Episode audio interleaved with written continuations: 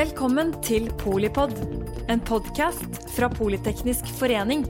Et kunnskapsbasert medlemsnettverk for bærekraftig teknologi og samfunnsutvikling. Here comes the sun. Velkommen til eh, denne episoden som eh, bokstavelig talt eh, kaster lys over solenergiens vekst globalt og lokalt. For livets glade gutter og jenter går som kjent solen aldri ned, og utrulling av solenergi har hatt en fantastisk vekst i volum, effektivitet og kost. Dvs. Si fall da, i kost.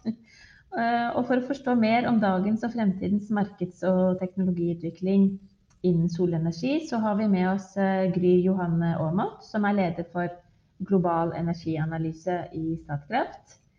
Og vi er med Sverre Alvik, som er forskningsleder for energiomstillingen i DNVGL.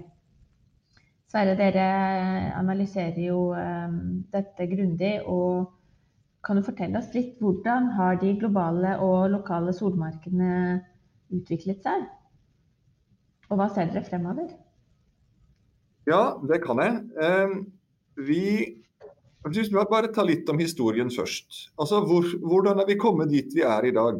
Og, og sol, eh, sol var jo, altså, Vi har hatt solenergi på, i flere tiår, og Norge var store på solenergi på, på 70- og 80-tallet. Eh, med hyttene og, og, alt sånt. Og da var det et veldig lite volum globalt vi snakka om. Men, men, eh, hvis vi ser de siste 10-15 åra, så har jo sol blitt veldig billig. Og det har kommet av store subsidier og støtte. Først fra Japan, så fra Tyskland og etter hvert fra Kina. Og alt dette har jo gitt konkurransedyktig sol der vi er i dag. Men, men vi snakker jo om en, en sol, eh, solstrøm eller, eh, so, som er, representerer mellom 2-3 av dagens eh, strømproduksjon globalt. Så, så sol er eh, i veldig rask vekst, men foreløpig lite. Men det er jo allerede nå blitt billig. Og, og, Det er jo selvfølgelig nøkkelen til at det nå begynner å bli stort. Det at det er billig. Og sol sammen med vind er jo allerede nå den billigste formen for ny strøm eller ny elektrisitet mange steder i verden. Og Det eskalerer jo bare med, med den læringsraten vi har hatt på 20, kanskje opp mot 28% de siste åra. Så øker jo konkurransedyktigheten hele tida. Og Dette eh, mener vi kommer til å fortsette i vår framskriving, vår Energy Transition Outlook, eh, som ser på det globale og regionale bildet fram mot midten av århundret. Så ser vi at sol vokser til å bli en tredjedel, eller nærmere bestemt 31% av verdens strømproduksjon i 2050. Og det vokser i alle regioner, med unntak av, eh, av Russland, hvor det forblir lite. Så, så er det en stor og viktig, kanskje den viktigste vekstfaktoren for, for strøm eh, de kommende tiåra. Hvordan jeg må bare spørre hvordan det, deres anslag eh, står seg i forhold til IEA. IEA har liksom blitt beskyldt for å konstant undervurdere veksten i sol. Ja, men da må vi først skjønne hva IEA egentlig gjør. For det de gjør i sitt hovedscenario, som blir sett på som en, et, et, forecast eller en, noe de tror på, det er jo bare å ta hensyn til, til den eh, erklærte politikken, stated policy. Så, så, når IEA blir beskyldt for å, for å se på flat solutvikling framover, så er det også fordi de, eh, de, ser kun på det som er erklært i dag av policy, og ikke tar med seg det som vil komme fremover av, av videre støtte. Men IEA har jo tradisjonelt vært svært lavt. De har eh, nesten hvert eneste år sagt at eh, sol de neste ti åra kommer til å bli sånn som sol var det siste året. Eh, I år har de tatt et skritt opp og er nå mer positive på sol enn det de har vært før. Men de er fortsatt, vi i DNVGL er fortsatt veldig mye mer optimistisk på sol enn det IEA er i sitt hoved, hovedscenario. Kan jeg bare fylle på det her Sverre sier om, eh, om historien til Sol, for jeg syns det er litt interessant. Og jeg har faktisk tenkt på det. Nå er det ganske nøyaktig ti år siden jeg begynte å jobbe med langsiktig eh, energianalyse. Og da var jeg på et seminar i London Eh, hvor vi gjennomgikk eh, drivere i kraftmarkedet og hvordan vi trodde driverne kom til å utvikle seg fremover. Og dette var store analyseselskaper som, som diskuterte sammen. Og jeg husker at vi snakket ikke om sol, sol, bortsett fra på siste slide på en av de siste presentasjonene. Da var det nevnt en kuriositet. Det var altfor dyrt, ikke relevant som en viktig teknologi for fremtiden. Det er ti år siden. Så det har skjedd enormt mye de siste ti årene. Og det er ikke så rart at folk ikke henger med på hva som har skjedd. At vi, at vi fra, fra, det til nå sitter og, og, og, og, ser at sol og vind de aller fleste steder i verden er billigste eh, teknologi for å produsere strøm. Jeg, helt utrolig utvikling, rett og slett. Og du har jo helt rett, Sverre, at det her skyldes jo til dels eh, viktige insentiver og, og subsidier. Eh, Tyskland, eh, Japan osv. Eh, som, som har vært en viktig driver i, i den utviklingen fram til nå. Og så ser vi at nå blir jo økonomi en veldig viktig driver framover. Man trenger mindre politikk nå for å, for å støtte den, denne utviklingen. For nå eh, lønner dette seg faktisk eh, helt selv. Ja, Sol har jo eh, overraska de fleste analytikerne kontinuerlig. Og, og, de fleste av oss som har drevet med dette noen år allerede, ble, har, jo blitt, eh, har, jo vært på nedsida av det som Sol har klart å levere hvert eneste år. Så, så mm. både på kostnad eh, og på installasjon, eller mengde installert kapasitet, så har jo stort sett Sol kommet over på oppsida av analytikerkonsensus hele tida år, år etter år. Mm. Og Det vi ser nå, da, som på en måte understreker det bildet vi tegner nå, Sverre, er jo at eh, i 2019 så gikk 75% av alle investeringer globalt som gikk til kraftsektoren, gikk til fornybart. 75% av alle investeringer i kraftsektoren gikk til fornybart. Og halvparten sol, og halvparten går til vind. Sånn cirka. Og så er det litt ekstra til, til noen av disse nye teknologiene. Men det er virkelig sol og vind som da tar, tar de store eh, andelene. Og, og dette, dette, mener vi jo kommer til å fortsette når vi ser på, på hvor eh, de nye investeringene kommer. Eh, de vil jo komme på, på sol og vind. Det vil, eh, det vil øke litt på, på, vannkraft. Det vil noen få steder i verden komme opp litt ekstra både på kjernekraft og, og, og sol og, nei, og gass og kull. Men, men vann og vind tar Eh, hovedmengden av nye installasjoner. Og etter hvert så får vi også en nedgang i eksisterende eh, produksjon fra, fra gass og kull. Sånn at uh, vi ikke bare får energy addition, men også energy transition. Så vi, vi får lagt til ny, eller erstatta uh, termisk kraft med sol og vind. Og så ser vi også det at vi, vi forventer jo en voldsom økning i kraftetterspørsel generelt. Ikke bare pga. Uh, si, vanlig økonomisk vekst, men også fordi vi eh, tror at vi kommer til å se elektrifisering som et viktig avkarboniseringstiltak i transport, bygg og industri, som, som vi ser at, at, er påbegynt i Norge med, med, elbiler. Og det vil jo øke eh, videre etterspørselen etter, etter, sol eh, og eh, vindkraft. Ja, I vår analyse har vi en litt mer enn dobling av eh, global elektrisitetsproduksjon fra i dag og fram til, til 2050. Så vi går fra vi går fra rundt 25 000 TWh til rundt 60 000 TWh i året i, eh, i strømproduksjon. Det stemmer faktisk veldig godt med de tallene vi har i vårt lavutslippsscenario også. Så det, jeg støtter de tallene. Det er helt riktig. Nei, det, det, så får vi nå se hvordan verden viser seg å bli. Men det er vel eh, den analysen og de tallene som gjør at uh, Statkraft uh, nå også blir en solaktør, da? Ja, det har du helt rett i, Mette. Vi har jo siden vi opp, oppdaterte strategien vår for et par år siden, og da inkluderte vi vekst i sol og vind som en viktig del av strategien vår. Eh, med et mål om å bygge ut 80 gigawatt sol og vind innen 2025. Og det gjør vi jo fordi vi ser at eh, for det første at vi tror vi har kompetanse eh, til å skape verdier innen sol og vind. Og at vi ser at det er Eller at det kommer en veldig sterk vekst innenfor de teknologiene.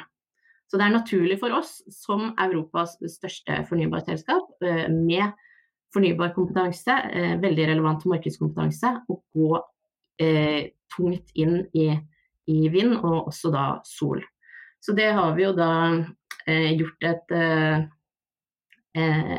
et oppkjøp nå nylig av eh, det store selskapet Solar Century, som har jobbet med, eller jobber med eh, utvikling av solprosjekter eh, globalt. De har nå en prosjektportfølje særlig i Europa og Sør-Amerika. Så vi, det, det, utfyller på en måte vår portefølje veldig, veldig godt.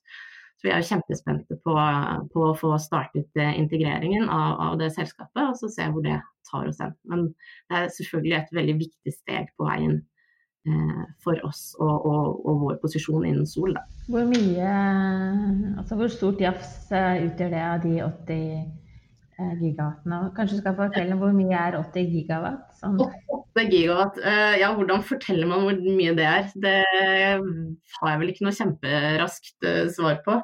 Men, men Solar Center har en portefølje på 6 gigawatt Um, og så er det jo ikke alt man realiserer, uh, men, men, det er klart at uh, mye, altså, det, vil, det, vil, utgjøre en, en signifikant del av, av Til sammenligning så kan vi jo si at verden installerer 100 gigawatt med sol uh, hvert år. Så, så, da har vi en, en, god sammenligning kanskje på hva, hva 6 gigawatt eller 8 gigawatt vil si. Så i dag er det rundt 100. Om, om om fem år så er det kanskje 200 gigawatt ja. i året som installeres. Mm. Så det er klart det er en, det er en signifikant uh, posisjon. Jeg tror det, så uten å liksom uh, være børssensitiv her, men, men, hvis et norsk selskap ligger på 5-10 av installert uh, ny, nye, ny kapasitet, da, så er jo det Og, og i tillegg kommer fra liksom det kalde nord, så er, må jo det være banebrytende, nærmest, og, og si veldig mye om kompetansen. Eh, for det er jo ikke bare det å Det er jo ikke bare på en måte Sol er ikke sol. Det er jo interessant å høre litt om, om hvordan det integreres i energisystemene. Mm. Ja, det er jo et godt poeng, og det er jo en av grunnene til at vi mener at, at sol på en måte er en naturlig del av vår portefølje. Da.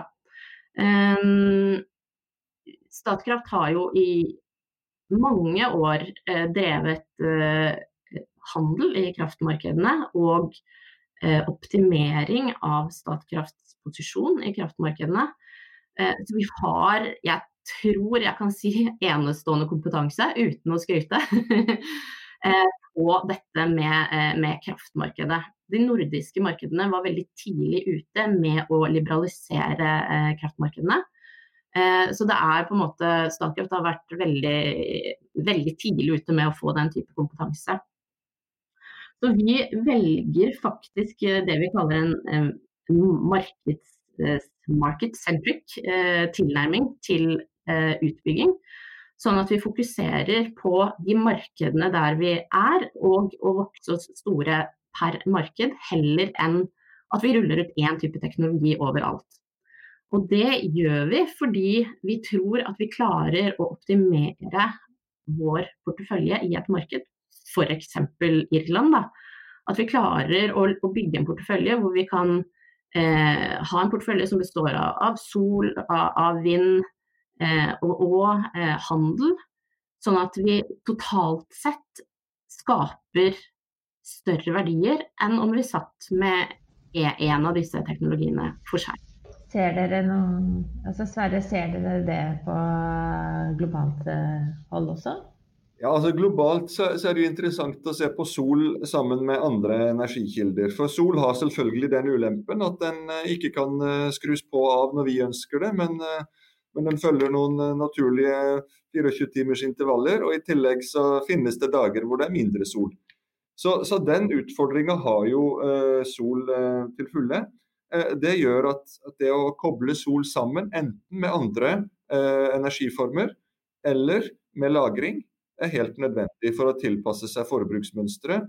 Eh, og, det holder jo på å skje.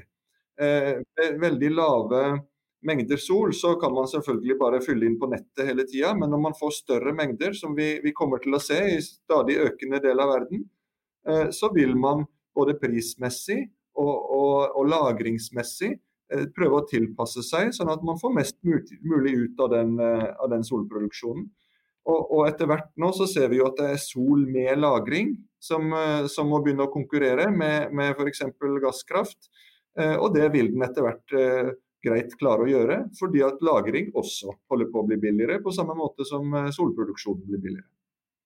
Og Det er akkurat det her som vi da eh, mener at vi er ganske flinke på, og som, og som på en måte eh, blir interessant da, å optimere denne, dette spillet mellom dette, denne variable kraftproduksjonen fra vind og sol eh, med eh, mer og ofte veldig eh, eh, fleksibel vannkraft, som er det der Statkraft kommer fra. Det kan vi jo veldig godt. Eh, og også etter hvert mer fleksibel etterspørsel, som man kan ta med som en del av, av dette puslespillet. Og så kan man optimere det for, for å avhjelpe eh, systemet, sånn at man får et system som kan tåle høye mengder fornybart uten å, å knekke sammen. Vi modellerer jo kraftmarkedene time for time eh, fram mot 2050, faktisk. Eh, i de markedene der vi har posisjoner. Og det vi ser det er at eh, disse markedene de kan faktisk tåle veldig høye andeler fornybart, og fremdeles snurre relativt greit. Det er liksom overraskende høyt. Uh, tidlig så snakket man jo kan man ha 10% fornybart, kan man ha 20% fornybart. Her er vi oppe i 80-90% og, det, og det går fremdeles på et vis. Det er jo ganske interessant, og det viser jo at at denne utviklingen både vi og DNVGL eh, snakker om, at det er faktisk det, det er mulig å få til. Ja, Det er jo ingen grunn til å tro at, at eh, teknologiutviklinga heller vil, vil, stå stille framover. For hvis vi ser på hva som, som, skjer på Sol, eller har skjedd på Sol og holder på å skje, så er det jo på to fronter det har vært levert. Det ene er på den økonomiske sida. At du får stadig mer storskala og strømlinjeforma produksjon som får kostnadene ned. Eh, det andre er på teknologisida. At, at, man får eh, stadige nyvinninger i, i teknologien F.eks. så har vi installert trackers, altså som snur vet ikke hva det heter på norsk, men som snur solcellepanelene mot, eh, mot sola. Eh, det snakkes nå om, om bifacial, altså solceller som, paneler som har også samler strøm på baksida, så du får reflektert sola fra bakken. Og, og får strøm inn på baksida, som gir ytterligere kanskje 10-20% effekt ut av hver kvadratmeter Eh, man har med solparker. Eh, og denne utviklinga eh, mener vi kommer til å fortsette. Sånn at læringsraten for sol, som har vært 18-20, kanskje opp mot 28% Dvs. Si hvor mye går kostnaden for sol ned hver gang du dobler globalt installert kapasitet. Så har den gått ned med rundt 20% Det tror vi kommer til å fortsette i mange tiår enda, og i mange doblinger som skjer fortsatt. og Derfor settes det jo hvert eneste år nye rekorder på hvor billig sol kan bli. Og vi har ikke nådd bunnen der. Vi kommer til å fortsette en, en eh, lineær nedgang eh, i kostnadene i, i flere tiår fortsatt, sånn som vi ser det. Det som også er litt interessant der, er at du får Én ting er teknologiutviklingen, men du, du, får også utvikling på, på en måte eh, hvordan du konstruerer et, eh, eh et solanlegg. F.eks. så ser vi nå eh, en tendens til at man kan at man bygger flere solpaneler enn det du faktisk har kapasitet til å mate inn på nettet. Og da mister du jo litt av den energien som produseres akkurat midt på dagen. Men du får, en, en, eh, du får mer produksjon i timene på, på, formiddagen og ettermiddagen. Så der tenkes det jo ganske eh, smarte tanker rundt omkring. En annen, eh, en annen, ting vi ser er jo det vi kaller da hybridanlegg eller co-location. Hvor man har en kombinasjon av eh, kan være både vind og sol og batterier på, på en, eh, i én lokasjon eller på én site. Eh, hvor man da optimerer eh, denne produksjonen mot batteriet før strømmen mates ut på nettet. Så sånne type eh, smarte konfigurasjoner vil også føre til at totalkostnadene faktisk faller. Jeg har også lyst til å nevne, da, siden det er eh, et prosjekt Statkraft også har, eh, flytende sol. Mm. Eh, som er for... Det var det jeg skulle spørre deg om. Ja. Akkurat nå. For det er jo foreløpig kommet eh, en teknologi som har kommet ganske kort. Vi snakker jo mye om flytende vind i Norge, ikke fullt så mye om flytende sol. Det er en teknologi som har stort potensial. Veldig mye areal som er tilgjengelig. Én ting er jo til havs, men en annen ting er jo eh, vannkraftreservoarer, som gjør dette spesielt interessant for Statkraft. Men også mye annet, eh, altså vann, oppdemmet vann eh, rundt omkring i verden. Så vi har nå et prosjekt med eh, et norsk selskap som heter Ocean Sun som skal levere, eh, vann, eh, skal levere flytende sol eh, til oss på et anlegg vi har i Albania. Så der skal vi installere, og er i gang med å installere, to megawatt eh, flytende sol på det vannkraftreservoaret eh, vi har der. Og det er jo kjempespennende. Den teknologien er spennende. Den er ny for flytende sol. Eh, og det er klart at der kan jo vi optimere produksjonen fra sol mot produksjonen fra vannkraftanlegget for å lage liksom, en, en, hensiktsmessig produksjon ut fra totalanlegget. Da. Hvor stor uh, andel er det av vannkraftproduksjonen der? det husker jeg ikke, men det var relativt signifikant, altså. Ja. Mm. Jo, den er 72 megawatt er vannkraftanlegget, og 2 megawatt er det er spennende. Hva, hva, hvordan gjør man et sånt prosjekt i Albania? Ut fra Lilleaker? Nei, vi har, jo, vi, altså vi har jo anlegg i Albania fra før. Mm. Sånn sett er det veldig naturlig å, å, velge å legge det til der. Og En av grunnene til at vi valgte Albania, var jo at de hadde gode støtteordninger for denne type anlegg. Så der, der, må man jo være litt opportunistisk og gå etter, etter de mulighetene som finnes. Men vi har absolutt bygget opp et en organisasjon som, som, som eh, tilrettelegger og, og, som bygger der. Hvilke andre steder i Europa og verden eh, er dere? Det er jo litt sånn ja, det er jo litt Dere er størst i Europa, men, eh, men hvor er dere? Vi har eh, ganske mye virksomhet i, i India, der vi bygger vannkraft. Ser etter sol og vind nå, for så vidt. Um, vi har en stor posisjon i Brasil, der vi uh, nå bygger uh, og planlegger å bygge mye vind. Og så har vi posisjoner i Chile og Peru, der vi også ser etter eh, nye muligheter innen vann, vind og sol. Eh, og så har vi da en betydelig posisjon i Europa. Eh, til nå har vi gjort eh, mest sol i Nederland, der vi har hatt en organisasjon som har jobbet med dette, og det har vært gode insentivordninger. Eh, og så har vi jobbet en del med det i Irland. Men det er klart at vår nye posisjon med Solar Center gjør jo at vi får en sterkere posisjon bredt. da.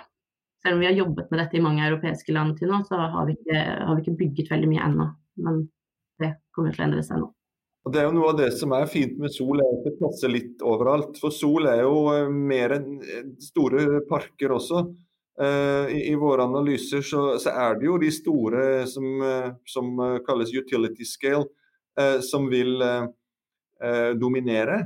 Men i alle regioner, unntatt i Afrika, der hvor vi ser lokale strømnett med, med, lokale solcellepaneler plasseres rundt om i landsbyene, og, og, kanskje blir den største kilden for å få elektrifisert Afrika.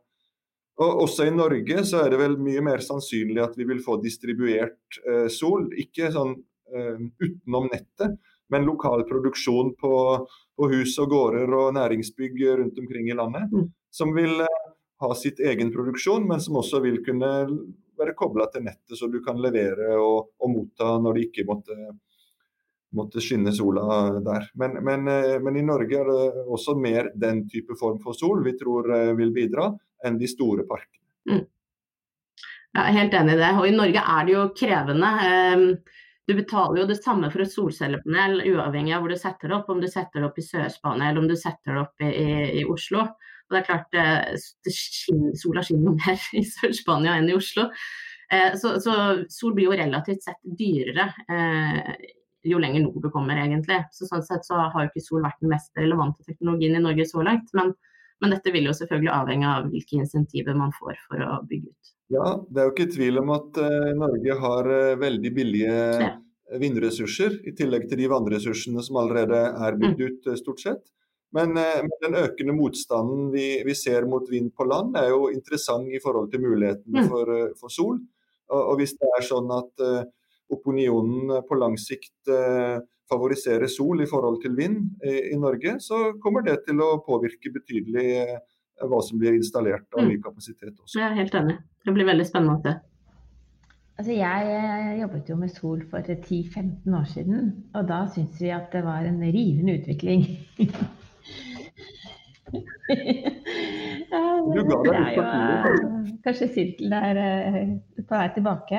Men hva eh, Og så har dere sagt litt om, om nå-bildet nå og 2050. men men sånn 2025-2030 eh, eh, Jeg tenker på de som hører på som, er, eh, som er, utdanner seg og, og, skal velge retning. Hva, hva, hva, ser dere på en måte de nærmeste ti årene? Vi ser jo at, at, sol vokser veldig. I våre prognoser så, så tredobler vi omtrent globalt installert kapasitet de neste ti åra. Fra rundt 100 gigawatt i året til rundt 300 gigawatt eh, i året. Eh, og dette kommer i, i alle regioner eh, på flere typer teknologier, og, og, det er muligheter overalt. Så uten at jeg skal gi noe investeringsråd, men et utdanningsråd er litt mindre farlig. Det er helt store muligheter for, for å jobbe med sol. Ikke, ikke bare globalt, men også, også, i Norge. Og det er også ønskelig at Norge tar en del av den globale verdiskapninga her. og Da må vi ha kompetanse og, og folk som eh, syns det er spennende å jobbe. Mm. Jeg kan bare støtte Sverre her. Jeg er helt enig, dette kommer til å vokse. Det kommer til å vokse raskt heretter. Um, så en utdannelse innen sol det tror jeg er veldig sikkert. Og, og også innenfor uh, det som utvikler seg som en konsekvens av mye sol, nemlig elektrifisering. Der også tror jeg nok det kommer til å skje veldig mye spennende framover. Og lagring, som uh, hører tett sammen med dette. Så, så hele den mm. kombinasjonen er veldig spennende. Det er veldig bra. Så Det er kanskje et tema for en framtidig podkast uh, mer om, om lagring, uh, Mette? Jeg, tar, jeg har notert meg batteri, utropstegn. Så tusen takk uh, for eh, innsikt og masse inspirasjon. Eh, optimisme i mørketiden, vil jeg si. Om at, at det er sol og lys i enden av tunnelen, og, og, og masse muligheter med fornybar og, og spesielt solenergi i, i, Norge, Europa og verden. Takk til uh, Gry Johanne Aamodt. Du leder uh, global energianalyse i Statkraft. Og takk til Sverre Alvik, som er forskningsleder for energiomstillingsanalysearbeidet til DNVGL. Jeg er Mette Vågnes Eriksen, er generalsekretær her i Politeknisk forening.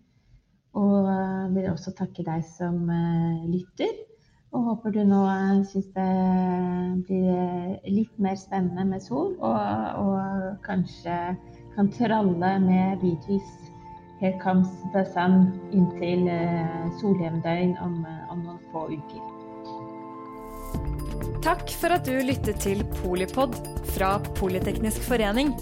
Få med deg flere episoder, eller bli med på nettverksmøtene som du finner på at polyteknisk.